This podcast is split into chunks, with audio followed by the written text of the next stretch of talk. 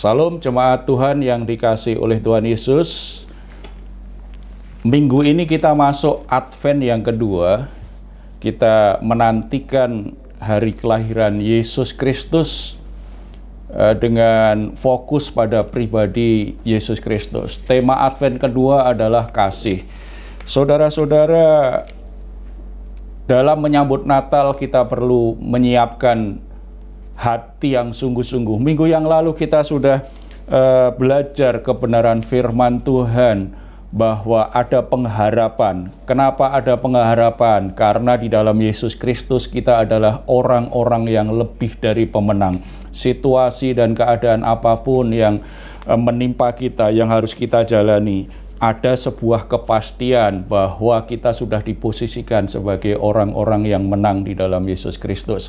Dan hari ini kita akan eh, fokus pada kasih, pada tema kasih. Saudara-saudara yang dikasih oleh Tuhan Yesus, kasih sejati itu diungkapkan dengan sebuah ibadah. Kasih kita kepada Tuhan, ungkapan terbaik adalah ketika kita uh, melakukan ibadah yang sejati juga. Makanya tema kita, tema khotbah hari ini adalah tentang ibadah sejati. Kalau kita sungguh-sungguh mengasihi Tuhan, maka kita akan uh, beribadah kepada Tuhan dengan sungguh-sungguh. Sejauh mana kasih kita kepada Tuhan, di situlah kualitas ibadah kita kepada Dia. Atau sebaliknya, uh, sejati sesejati apa ibadah kita di hadapan Tuhan itu akan dinilai dari kasih kita kepada Dia. Kita akan buka Alkitab kita dahulu dari Inj dari surat Roma pasal 12. Surat Roma pasal 12 ayat 1 dan 2. Kita akan membacanya bersama-sama.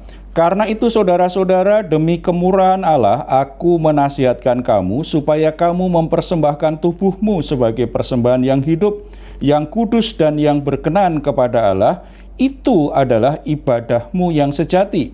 Janganlah kamu menjadi serupa dengan dunia ini, tetapi berubahlah oleh pembaharuan budimu, sehingga kamu dapat membedakan manakah kehendak Allah, apa yang baik, yang berkenan kepada Allah, dan yang sempurna. Di ayat 1 dikatakan, itulah ibadahmu yang sejati. Saudara-saudara, kata ibadah yang ditulis di situ punya pengertian tentang eh, bagaimana kita mendedikasikan hidup kita kepada Tuhan. Kata ibadah itu selalu tertuju kepada Tuhan yang disembah. Jadi sebuah dedikasi, sebuah pengabdian yang disebut beribadah adalah sebuah pengabdian kepada Tuhan yang disembah. Tidak pernah di Alkitab dikatakan kalau pengabdi yang bicara ibadah itu pengabdiannya kepada seseorang. Tidak pengabdian yang ditujukan kepada Tuhan itulah ibadah. Itulah ibadah.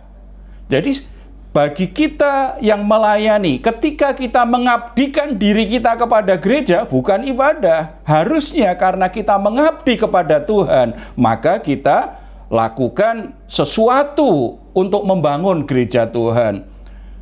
Pengabdian kita bukan pada pelayanannya, aktivitas pelayanannya, Saudara misalnya pemain musik, pemimpin pujian, pengkhotbah, pemberita Injil, atau eh, anggota paduan suara, atau tim pelawatan, tim doa, apa pun yang dilakukan, itu lakukanlah dengan sungguh-sungguh, dengan penuh pengabdian. Tetapi ingat, bukan mengabdi pada pekerjaan, bukan mengabdi kepada lembaganya, bukan mengabdi kepada organisasi sebagai uh, apa yang mewadahi uh, pelayanan kita itu. Enggak. Yang disebut ibadah adalah pengabdian kepada Tuhan yang kita sembah. Dan kita semua sebagai orang Kristen, kita menyembah Yesus Kristus Tuhan. Berarti ibadah adalah sebuah pengabdian kepada Yesus Kristus sebagai Tuhan kita. Dalam pengabdian itu ada dua hal kalau kita pelajari makna ibadah yang dimaksud di ayat ini ada dua hal. Dalam pengabdian itu ada dua hal. Yang pertama itu bicara tentang pekerjaan yang dilakukan dengan sukarela. Jadi kalau orang mengabdi, dia bekerja. Kalau nggak bekerja untuk Tuhan yang di, di dia beribadah itu yaitu belum itu bukan sebuah ibadah. Ibadah itu mengandung sebuah pekerjaan yang dilakukan dengan sukarela. Bukan karena dipaksa, bukan karena terpaksa. Tidak. Kalau kita bekerja untuk Tuhan karena terpaksa, itu bukan ibadah. Itu aktivitas sosial ya. Kalau kita beribadah karena terpaksa atau dipaksa itu bukan ibadah, itu aktivitas ritual agama. Yang disebut ibadah adalah bekerja dengan sukarela untuk Tuhan. Tidak hanya itu, dalam pengabdian tadi ada yang namanya pelayanan atau melayani. Melayani itu berarti eh, secara perbuatan itu langsung kepada Tuhan langsung kepada Tuhan. Jadi ada hubungan yang dekat dengan Tuhan, ada hubungan yang yang terus dibangun dan kapan pun Tuhan perintahkan kita lakukan sesuatu, kita mentaatinya. Melayani Tuhan, melayani Tuhan, melayani pribadi Tuhan. Jadi dalam pengabdian itu ada pekerjaan dan pelayanan ada sesuatu yang melibatkan area aktivitas fisik kita, tetapi juga ada sifatnya e, melayani. Melayani itu berarti e, selalu siap kapan pun Tuhan butuhkan, aku siap untuk e, melakukan yang terbaik darimu. Oleh sebab itu, ibadah yang sejati kita akan lihat motivasi ibadah sejati itu apa? Motivasi ibadah sejati adalah hati yang menyembah Allah.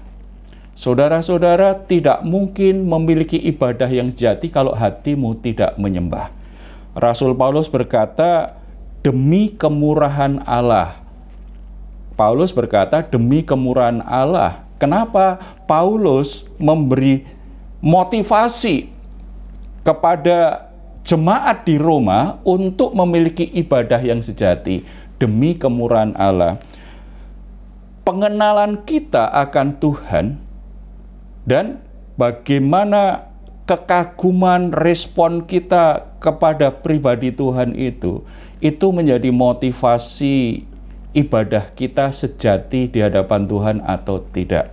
Kalau kita baca di pasal 11-nya ayat ayat 33 sampai 36 itu ungkapan yang dinyatakan oleh Paulus setelah dia mengerti kemurahan Allah yang luar biasa di pasal 1 sampai pasal 11 itu mengungkapkan kemurahan hati Allah yang luar biasa terhadap orang berdosa manusia setiap orang telah berbuat dosa kehilangan kemuliaan Allah. Setiap orang harus menerima kutuk dosa yaitu maut dan kebinasaan. Setiap orang dalam posisi sebagai orang yang harus dimurkai oleh Allah. Tetapi karena kemurahan Allah melebihi dosa manusia, kasih karunia Allah melebihi dosa manusia, sehingga Allah memberikan Yesus Kristus datang ke dunia ini mengosongkan dirinya untuk menjadi manusia sama dengan kita dengan misi untuk menyelamatkan manusia berdosa, menebus manusia yang berdosa. Itulah kasih sejati, itulah kemurahan Allah yang sempurna. Itulah kasih yang kemudian diungkapkan oleh Paulus dengan rasa kekaguman sebagai sebuah pujian, sebagai sebuah penyembahan dari hati yang terdalam di ayat 33 sampai 36. Oh, alangkah dalamnya kekayaan hikmat dan pengetahuan Allah sungguh tak terselidiki keputusan-keputusannya dan sungguh tak terselami jalan-jalannya. Sebab siapakah yang mengetahui pikiran Tuhan? Dan siapakah yang pernah menjadi penasehatnya? Atau siapakah yang pernah memberikan sesuatu kepadanya sehingga ia harus menggantikannya? Sebab segala sesuatu adalah dari dia dan oleh dia dan kepada dia bagi dialah kemuliaan sampai selama-lamanya. Saudara-saudara yang dikasih oleh Tuhan, ayat Mazmur eh, Roma pasal 11 ayat 33 sampai 36 ini sebuah kesimpulan dari pengalaman akan kasih karunia Allah yang dirasakan, yang diketahui, yang dihayati oleh Paulus. Paulus berpindah dari konsep-konsep teologi yang berat di pasal 1 sampai pasal 11 mengakhiri pasal 11 dengan sebuah ungkapan kekaguman karena menyadari betapa luar biasanya kemurahan Tuhan kepadanya, betapa luar biasa kasih karunia Tuhan kepadanya sehingga menggerakkan hatinya untuk menyembah Tuhan. Saudara-saudara, ibadah itu sebuah penyembahan ibadah itu harusnya motivasinya adalah penyembahan kepada Allah. Orang hanya mungkin hatinya didorong oleh penyembahan kepada Allah, kepada Tuhan yang sudah menyelamatkannya, kalau dia mengerti kasih Tuhan yang sempurna itu. Kalau dia mengenal Tuhan yang disembah itu. Saudara-saudara, kita boleh menyanyi suara kita merdu, tetapi kalau kita tidak sungguh-sungguh mengenal siapa Tuhan itu, kita hanya sekedar menyanyi. Kita tidak menyembah Tuhan. Kita tidak sedang beribadah walaupun itu nyanyi lagu rohani. Kita mungkin bisa menghafal banyak ayat di Alkitab, tetapi kalau kita tidak sungguh-sungguh mengenal Allah, kalau kita tidak sungguh-sungguh, hati kita itu menerima kebenaran firman Tuhan. Karena kita percaya betul Tuhan tidak pernah berdusta kepada saya.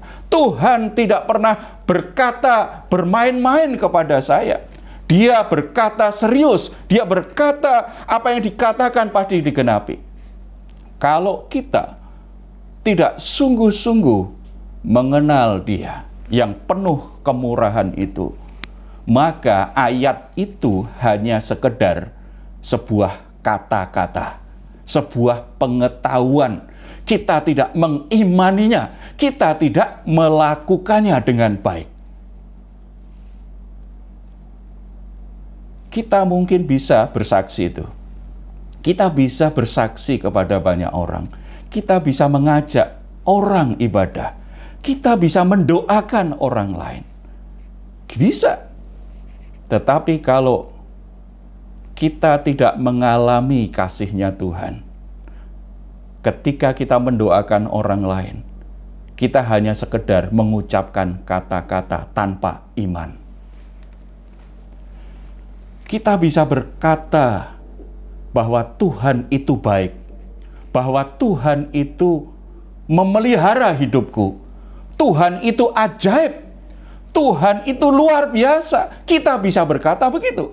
Tetapi kalau saudara tidak sungguh-sungguh mengalami pribadi Tuhan itu, yang penuh kasih, pribadi Tuhan yang penuh kemurahan hati, itu hanya teori. Maka kata-kata itu hanya sebuah ungkapan dari pikiran kita, dari pengetahuan kita, bukan dari hati kita ibadah sejati selalu dorongannya adalah hati yang menyembah, hati yang mengenal betul siapa Tuhan yang disembah, hati yang penuh kekaguman karena semakin mengenal uh, Tuhan, kekagumannya itu semakin luar biasa. Itu diungkapkan oleh Paulus kan, betapa dalamnya kekayaan hikmat dan pengetahuan Allah tak terselami oleh manusia. Tuhan tidak butuh penasehat karena Tuhan tahu yang terbaik dalam kehidupan manusia. Saudara-saudara, semakin kita kagum kepada Tuhan, maka hati kita semakin dipenuhi dengan dorongan untuk menyembah Tuhan. Semakin ada dorongan menyembah Tuhan, maka kita semakin meningkatkan kualitas ibadah kita. Ibadah kita semakin sejati, semakin murni di hadapannya. Kenapa kita kadang-kadang mendengar ada orang yang aktif sekali beribadah, bahkan melayani Tuhan semangat sekali. Sepertinya punya dedikasi luar biasa. Tetapi ketika menikah, begitu gampang dia tinggalkan Tuhan. Padahal di masa mudanya dia sangat aktif di gereja. Ikut kegiatan-kegiatan gereja ikut paduan suara di gereja, ikut jadi panitia Natal, ikut retreat gereja. Tetapi setelah menikah, kenapa kok sepertinya lupa dengan kasih Tuhan, lupa dengan Tuhan yang dia layani selama ini? Jawabannya adalah banyak orang sibuk di gereja, aktif di kegiatan gereja, tetapi tidak sungguh-sungguh mengenal Tuhan yang dilayaninya. Karena tidak sungguh-sungguh mengenal Tuhan yang dilayaninya, maka hatinya tidak ada kekaguman. Karena tidak ada kekaguman, makanya hatinya sebenarnya tidak sungguh-sungguh mengasihi Tuhan. Karena tidak sungguh-sungguh mengasihi Tuhan, dia mungkin giat di gereja, dia aktif di kegiatan gereja, itu hanya sebatas untuk aktualisasi diri, hanya sekedar kegiatan sosial karena di situ ada banyak teman yang cocok dengan dirinya. Tidak dalam level penyembahan. Hati-hati saudara, kegiatan agama apa pun kegiatan gereja, pelayanan saudara, aktivitas yang kelihatan rohani apa pun, kalau saudara tidak sampai pada level untuk mengenal dan mengagumi Allah, saudara tidak akan pernah sampai pada ibadah yang sejati. Saudara tidak akan sampai pada level sebagai penyembah yang benar di hadapan Allah. Karena penyembah yang benar itu didorong oleh pengenalan akan Tuhan, ada kekaguman kepada Tuhan, sehingga dia semakin hari semakin mengasihi Tuhan. Semakin mengasihi Tuhan, jadi tidak terpaksa. Karena aku mengasihi Tuhan, maka aku bekerja untuk Tuhan. Karena aku mengasihi Tuhan, makanya aku melayani Tuhan. Karena aku mengasihi Tuhan, makanya aku mengabdikan diriku kepada Tuhan. Ketika sampai titik itu, itulah yang namanya ibadah sejati. Motivasinya hati yang menyembah. Yang kedua, di ayat yang satu, dua, pasal 12 ayat 1 tadi. Supaya kamu mempersembahkan tubuhmu sebagai persembahan yang hidup, yang kudus, dan yang berkenan kepada Allah, itu adalah ibadahmu yang sejati. Dorongannya adalah hati yang menyembah Lalu tindakannya apa? Sebuah keputusan untuk mempersembahkan tubuh ini untuk melayani Tuhan. Tadi kan di awal saya jelaskan, ibadah itu mengabdikan diri kepada Tuhan. Dalam pengabdian itu ada pekerjaan, ada pelayanan. Pekerjaan bisa sebuah aktivitas yang kita lakukan dengan tubuh kita, dengan semua aktivitas hari-hari kita pelayanan sifatnya pribadi kepada Tuhan. Ketika kita datang mendoakan orang-orang yang berdosa, mendoakan orang-orang yang tersesat jalannya supaya dijamah Tuhan, meninggalkan jalan-jalan yang berdosa. Ketika kita mendoakan hamba-hamba Tuhan yang melayani, mendoakan ibadah, ketika kita berdiri di hadapan Tuhan untuk mendatangkan kemuliaan Tuhan dalam setiap pekerjaan Tuhan dalam kehidupan manusia yang lain. Ketika kita bersafaat, ketika kita memuji menyembah Tuhan, itulah sebuah pelayanan. Sementara pekerjaan itu sebuah aktivitas fisik kita. Makanya kata persembahkanlah tubuhmu itu bicara tentang apa? Seluruh aktivitas hidup kita yang kita lakukan dengan tubuh kita itu kita persembahkan kepada Tuhan. Saudara-saudara, kata persembahan itu beda dengan upeti ya. Kalau upeti, misalnya ada yang jualan, lalu ada preman yang menguasai daerah itu. Preman itu akan menarik upeti kepada setiap pedagang yang ada di situ. Kalau tidak memberi, misalnya setiap hari harus kasih 20 ribu.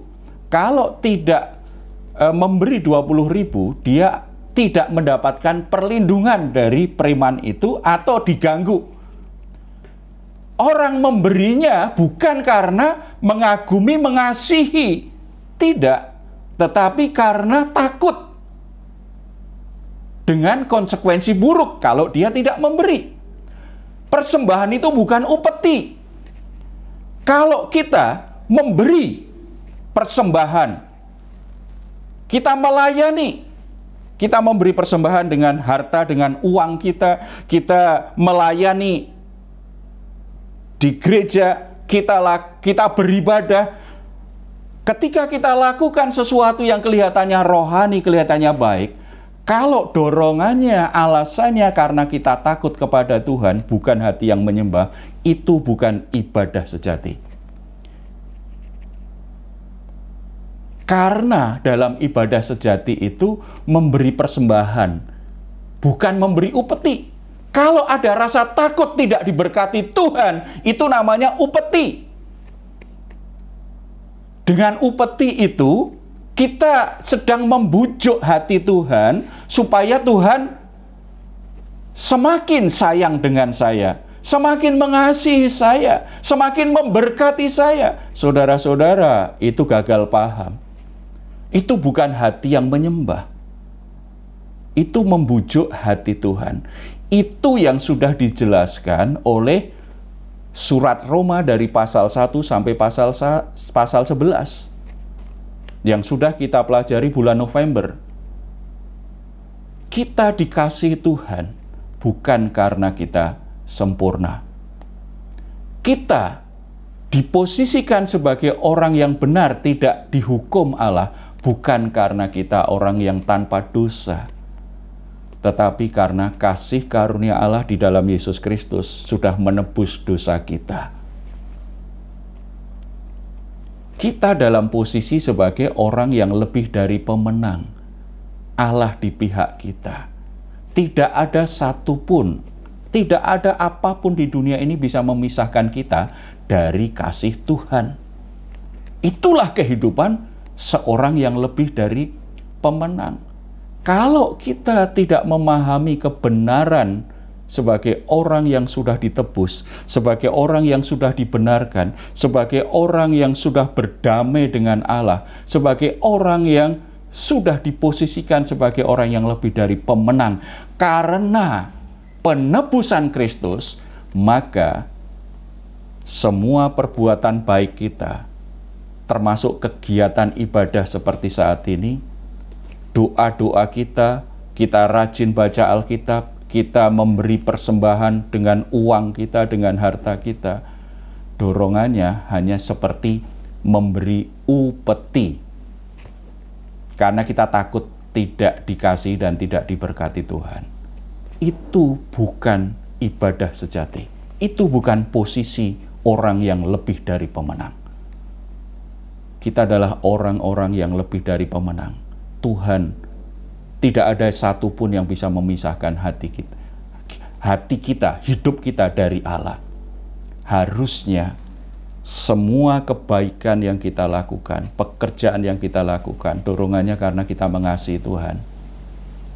Karena kita mengasihi Tuhan. Saudara-saudara, memberi persembahan itu artinya kita memberi sesuatu kepada orang yang kepada pribadi yang kita puja kepada Tuhan makanya tujuannya untuk Tuhan sebagai ungkapan syukur kita sebagai tadi pengabdian kita kepada Tuhan. Kita bersyukur karena aku sudah dikasih Tuhan, makanya aku ingin berbagi kasih kepada orang lain.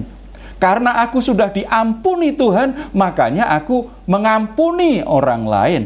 Karena Tuhan sudah murah hati kepadaku, makanya aku bermurah hati kepada orang lain. Karena Tuhan sudah menyelesaikan karya penebusannya di atas kayu salib, maka saatnya sekarang aku mempersembahkan tubuhku supaya semua orang itu bisa mendengar berita kabar baik bahwa Yesus itu sudah menebus dosa manusia, bahwa Yesus sungguh-sungguh mengasihi semua orang, termasuk orang yang sangat berdosa pun. Tidak ada satu orang pun yang tidak dikasihi oleh Tuhan. Saudara, di Advent kedua ini sangat uh, sangat penting sekali bagi kita. Kita merenungkan kasih Tuhan, sekaligus kita mawas diri apakah kita sudah membagikan kasih Tuhan kepada orang lain kemampuan kita mengasihi orang-orang di sekitar kita itu sangat bergantung kepada sejauh mana hati kita merespon kasih Tuhan yang sudah disediakan bagi kita. Ada orang bilang sama saya, Pak Eru, mengampuni itu sulit. Saya nggak bisa mengampuni, itu berat Pak. Bapak nggak mengalami, makanya nggak bisa berkata bahwa mengampuni itu mudah. Saya bilang, saya tidak pernah berkata bahwa mengampuni itu mudah. Mengampuni itu sulit, apalagi kalau orang yang menyakiti kita itu bersama-sama dengan kita. Setiap hari kita bersama dengan dia, itu sulit. Tetapi apakah kita nggak bisa mengampuni? Sangat bisa karena kita adalah orang yang diposisikan lebih dari pemenang. Karena kita adalah orang yang sudah mengalami kelimpahan kasih Tuhan. Kasih yang Tuhan berikan kepada kita itu lebih dari yang kita butuhkan. Masalahnya adalah karena kita tidak mau mempersembahkan tubuh kita untuk mengasihi orang lain. Kita lebih mementingkan perasaan kita yang terluka. Kita lebih mementingkan diri kita karena kita masih senang dengan apa yang kita miliki karena kita tidak mau berbagi kepada orang lain, karena kita merasa selalu kurang dengan apa yang kita miliki. Karena kita menganggap bahwa setiap orang itu tidak boleh asal dikasihi, kasih kita bersyarat kepada orang lain. Jadi masalahnya bukan nggak bisa di dalam Kristus kita itu kelebihan kasih di dalam Kristus. Kasih Tuhan itu kepada kita itu luber, melebihi yang kita butuhkan. Berarti orang-orang Kristen yang hidup di dalam Kristus seharusnya bisa mengasihi sesamanya.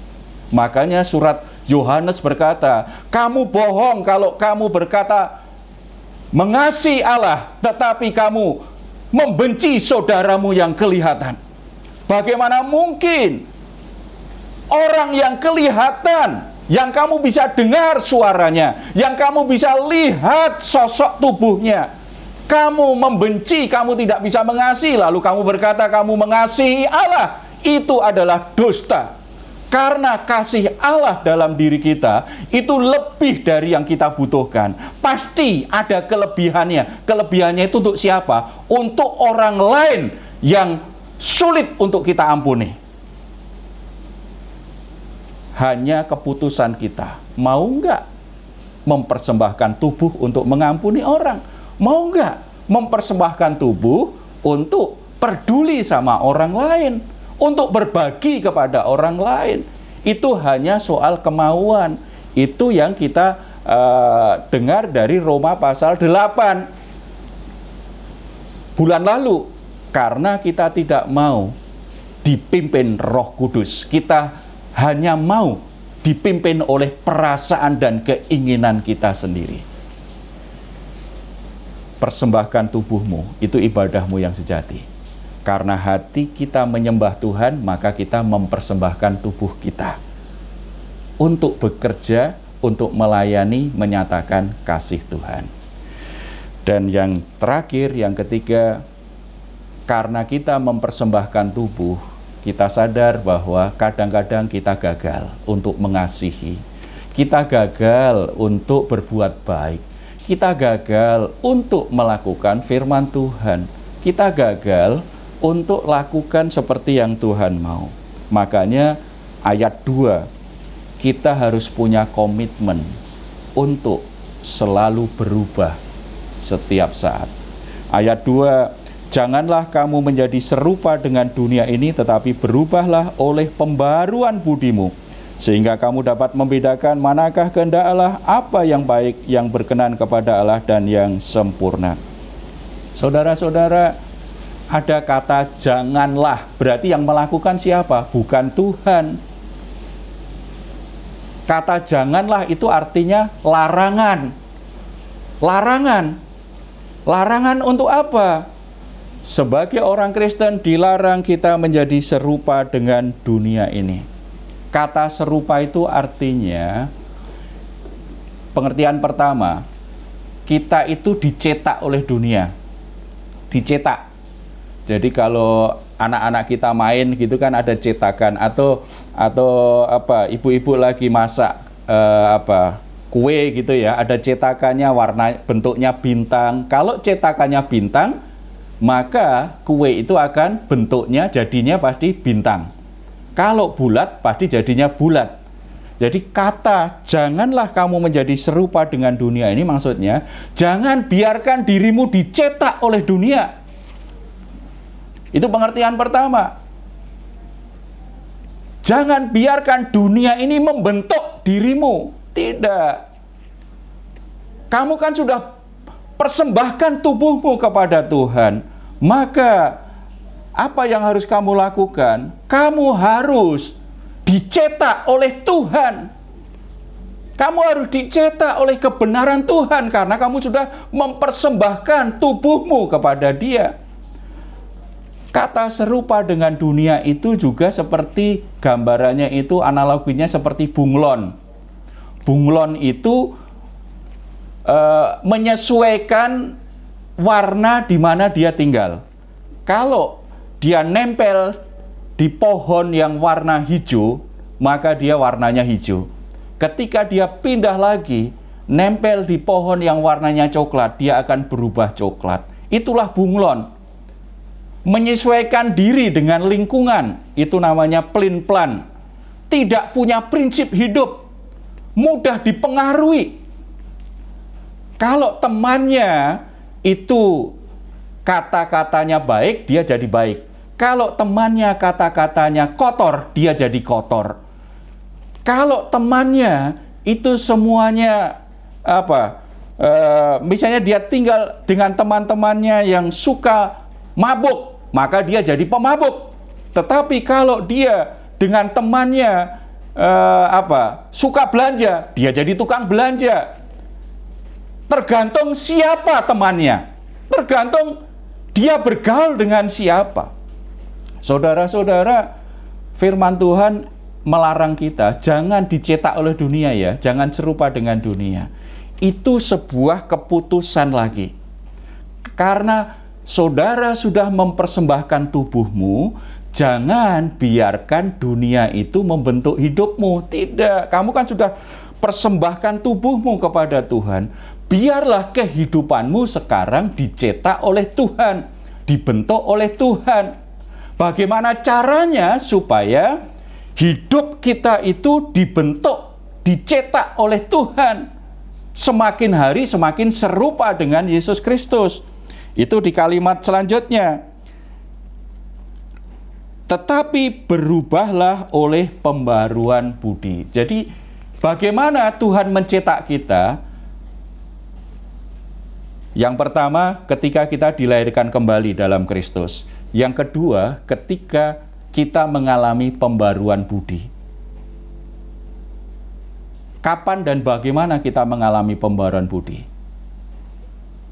Contoh seperti saat ini kalau saudara dengar firman Tuhan, saudara buka pikiran, saudara mengizinkan firman Tuhan itu menata pikiranmu.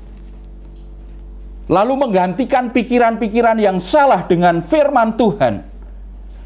Ketika saudara buka pikiranmu diterangi firman Tuhan, kemudian firman Tuhan itu tunjukkan mana yang salah, mana yang benar. Lalu kalau saudara tahu dalam pikiranmu ada yang salah, saudara singkirkan itu dan saudara terima pikiran Tuhan itu, itulah saudara mengalami pembaruan budi. Kalau saudara punya keyakinan tertentu, karena mungkin saudara diajar turun-temurun seperti apa, saudara punya keyakinan misalnya begini, bagi orang tua, menganggap bahwa anak laki-laki itu lebih baik. Orang yang punya anak laki-laki itu lebih membawa berkat. Anak laki-laki itu lebih istimewa dibandingkan anak perempuan, misalnya seperti itu. Ketika saudara dengar firman Tuhan bahwa laki dan perempuan itu di hadapan Tuhan sama ahli waris kasih karunia Tuhan. Pikiranmu dengar itu, saudara singkirkan itu kepercayaan lama bahwa anak laki-laki lebih istimewa dari perempuan. Ketika saudara izinkan firman Tuhan sekarang yang jadi keyakinanmu, itu namanya saudara diperbaharui budimu. Ketika saudara diperbaharui budimu, maka karena saudara sudah persembahkan tubuh, saudara akan bertindak, bersikap, bertutur kata berubah.